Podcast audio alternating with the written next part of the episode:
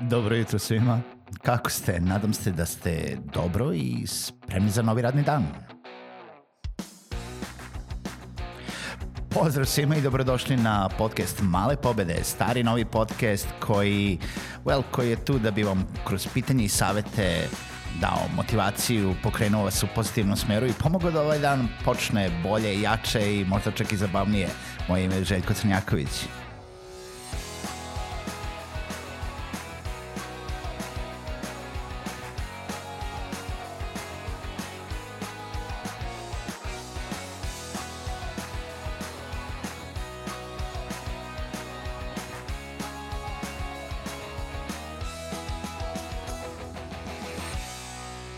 Pozdrav svima, dobro jutro i dobrodošli u još jednu epizodu podcasta Male pobede.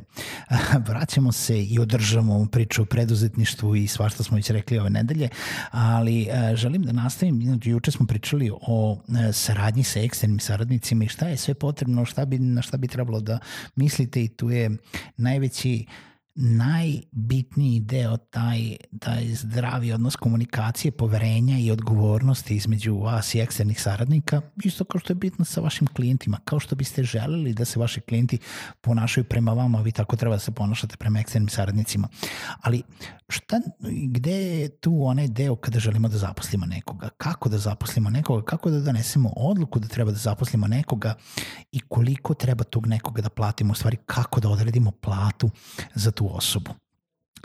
A, odluka o zapošljavanju vašeg prvog radnika nije jednostavna odluka. Nije jednostavna odluka zato što zahteva u, u mnogo razmišljanja i sagledavanja uslova vašeg poslovanja u smislu gde ste sada, da li imate dovoljno sredstava da, jel da izdržavate nekog radnika, da li imate dovoljno poslovanja i prometa u poslovanju, da li imate perspektive u poslovanju da vam taj zaposleni treba i mnogo bitno jeste da li imate jasno šta ćete da prebacite tom nekome da radi, u stvari da li taj radnik, koji radnik vam treba. Da li vam treba asistent, da li vam treba neko u produkciji, da li vam treba neko za marketing, da li vam treba neko da vas zameni za deo poslovanja, da li vam treba prodavac, govornik, šta god. I sad, tu o, svim ovim principima ćemo da pričamo danas. U stvari ne principima, nego pitanjima. Znači, odluku o zapošljavanju nekoga donosite u onog momenta kada treba da imate nekoga u vašoj kompaniji koji će vam pomoći u smislu da će ili preuzeti deo poslovanja od vas, vi nemate više vremena da se bavite nekim stvarima kao što je, ne znam, javljanje na telefon, odgovaranje na silne mailove, marketing deo vaše firme, prodaje u vašoj firmi ili ćete zaposliti nekoga ko treba da radi jedan deo poslovanja koji vi ne znate da uradite. Naprimer, vi prodajete, kao što ja prodajem animirane marketing videe, ali niste animator. I treba da imate osobu koja će biti animator u vašoj firmi, koja će raditi taj deo posla, a vi znate milion drugih stvari. Vi znate kako da donesete posao, a ta osoba će znati kako da odradi taj posao. Imate milion firmi u kojima ne možete vi sve da znate ono što se radi. Znači, uh, imate opciju da uh, vi možda znate da donesete posao, ali ne znate da isprogramirate ili izdizajnirate neki deo uh, ovaj, koji, koji, usluga koje nudite. I još milion drugih stvari. A, znači, to je prva stavka. Da li imate potrebu da predate jedan deo poslovanja, nebitno da li je vaš deo ili deo koji ne znate, nekome i da konstantno to radi. Druga i osnovna stvar, no, jedna od osnovnih stvari, druga osnovna stvar jeste koliko imate sredstava. Trenutno, da li ste na početku svog poslovanja, da li imate neki kapital, da li imate neku ušteđevinu, eh, da li imate dovoljno para da platite osobu koja treba da radi kod vas. I ne mislim samo na platu, nego mislim i na bruto i na neto. Uh, neto plata je ono što osoba koja radi za vas dobija na ruke. Vi kao poslodavac i kao pravno lice ste dužni da državi isplatite bruto platu koja je oko od 40 do 55% jel da, dodatno na taj iznos plate koji želite da mu date kao neto platu. Bruto deo plate su svi oni doprinosi koje ste vi u obavezi da plaćate vašem radniku i tu nastane prva prva ta problematika da ljudi u Srbiji, jel da, gde su poslodavci vezani za obavezu da plaćaju bruto platu i doprinose svojim radnicima, jel da niko, nikoga ne zanima kolika mu je bruto plata, niko ga ne zanima koliko on zapravo vredi i koliko, za koliko zapravo on košta svog poslodavca, nego zanima ga samo ono što dobije na ruke, jel da, u stvari šta može da troši. No, u zapadnim zemljama je to obrnuto poslodavci isplate bruto platu i vi svako plaća svoj porez i ako ne plati porez ide u zatvor, ćao. E sada, znači da li imate dovoljno para shodno plati i ovaj poziciji osobe koju treba da zaposlite da tu platu plaćate. Ne jedan mesec, ne dva meseca, nego da li imate para da plaćate recimo šest meseci, da li imate para da plaćate godinu dana, da li imate dovoljno posla u perspektivi da znate da će dovoljno posla da dođe svaki mesec da vi isplatite i svoje troškove i troškove firme i platu zaposlenoga u narednih šest meseci do godinu dana. Da li imate dovoljno zaliha da vi platite tu platu ukoliko nemate posle tri meseca? Ne možete da otpuštate i zapošljavate radnike kako vam se ćefne. Ne možete da zaposlite nekoga na mesec dana pa da mu date otkaz i da ga zaposlite nazad za dva meseca. Niko vam se neće vratiti. Znači, da li imate, na primjer, dovoljno para per, ili perspektive u poslu ili dovoljno zaliha? To morate da znate. Ono što bitno jeste isto toliko koliko i pitanje da li imate dovoljno para, jeste da li imate dovoljno posla za tu osobu da popunite njegovo vreme, puno radno vreme. Da li imate dovoljno zadataka jasnih u vašoj firmi? I znam da ovo zvuči uh, bez veze i da kao pa da naravno da imam, ali verujte mi bio sam u situaciji da je došlo do toga da mi treba osoba da zaposlim i da sam debelo krenuo da razmišljam da li imam dovoljno zadataka u toku svakog radnog dana da popunim zaposlenome vreme. U stvari da se njegovo vreme meni isplati kao poslodavcu.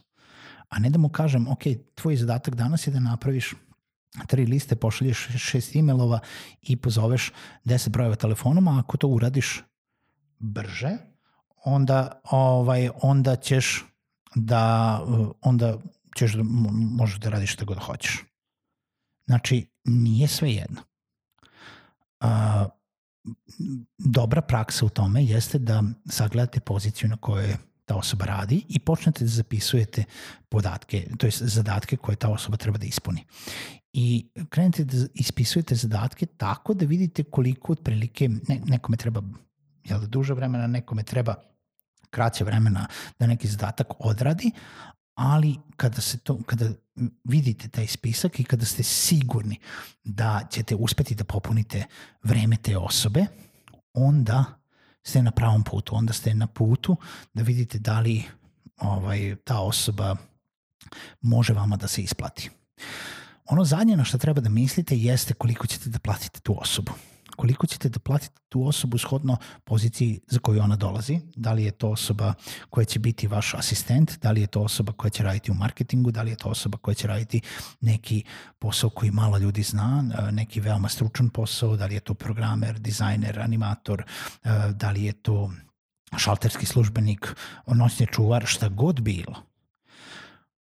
Shodno poziciji i znanju koje je potrebno za tu osobu, vi ćete prvo imati problem da, mislim problem, pod navodnicima imat ćete zadatak da nađete pravu osobu za tu poziciju.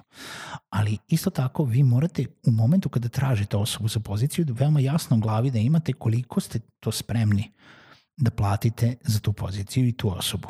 Da li je to samo plata, da li su to neki benefiti u okviru firme, da li ćete vi jedan deo uh, da ne znam, tog nekog poslovnog paketa uh, ponuditi kroz druge benefite kao što je, ne znam, uh, besplatno zdravstveno osiguranje, dodatno, uh, ne znam, dodatne aktivnosti u firmi, možda mogućnost za rad na daljinu, rad od kuće, možda ne mora da bude pored vas, možda možete da zaposlite nekoga ko uh, sedi na nekom drugom mestu u zemlji ili uh, u svetu i onda uh, da mu pokrijete neke druge troškove. Um, da li može da radi od kuće ili ćete mu, na primjer, uplatiti da radi u nekoj kancelariji ako ne sedi pored vas u kancelariji. Da li ćete mu dati službeni telefon, službeni auto, ne znam milion beneficija može da bude, može da bude do toga da ga šaljete u, ove, na neke sportske događaje, konferencije, da mu kupete knjige za edukaciju, za usavršavanje i tako dalje. Znači neki paket beneficija u, u nekom uh, ovaj, u saradnji sa, sa iznosom plate mora da bude vama u glavi u momentu kada zapošljavate uh, osobu za, za tu neku poziciju morate da budete pravedni, morate da budete, da istražite koliko se te pozicije plaćaju. Ja znam da kod nas to ide i šara se i mislim svi mi hoćemo da ako, ako smo zaposleni zaradimo maksimalno što možemo, a ako smo poslodavci da platimo najmanje što možemo. Ali treba da budemo realni. Treba da budemo realni i gde živimo i proseka plate u momentu koji plaćamo i kao zaposleni i kao poslodavci, ali i ekspertize koja je potrebna za posao koji nudimo. Ja sad neću ulaziti u to da li treba da platite 300 eura, 200 eura, 600 eura, 800 eura, 1500 eura, 3500 eura nekoga ko dolazi, zato što trenutno i jako, mislim, sve što sam rekao važi za, kao što sam rekao, od toga da zapošljavate noćnog čuvara do asistenta, do uh, šefa prodaje, do uh, ne znam, vođe programerskog tima i, ili novog direktora za, za drugi deo vašeg poslovanja. Tako da imajte na umu to, istražite koliko je moguće uh, tu poziciju i koliko je u drugim firmama situacija i onda shodno tome kreirajte i vaše one druge stvari, ono da li imate para, da li imate dovoljno uh, ovaj zadataka za tu osobu i naravno šta očekujete od nje šta da vam kažem, mala pobeda jeste da sagledate u stvari da li mu uopšte neko treba, da li imate potrebe i mogućnosti da zaposlite neku osobu. Čujemo se u narednoj epizodi.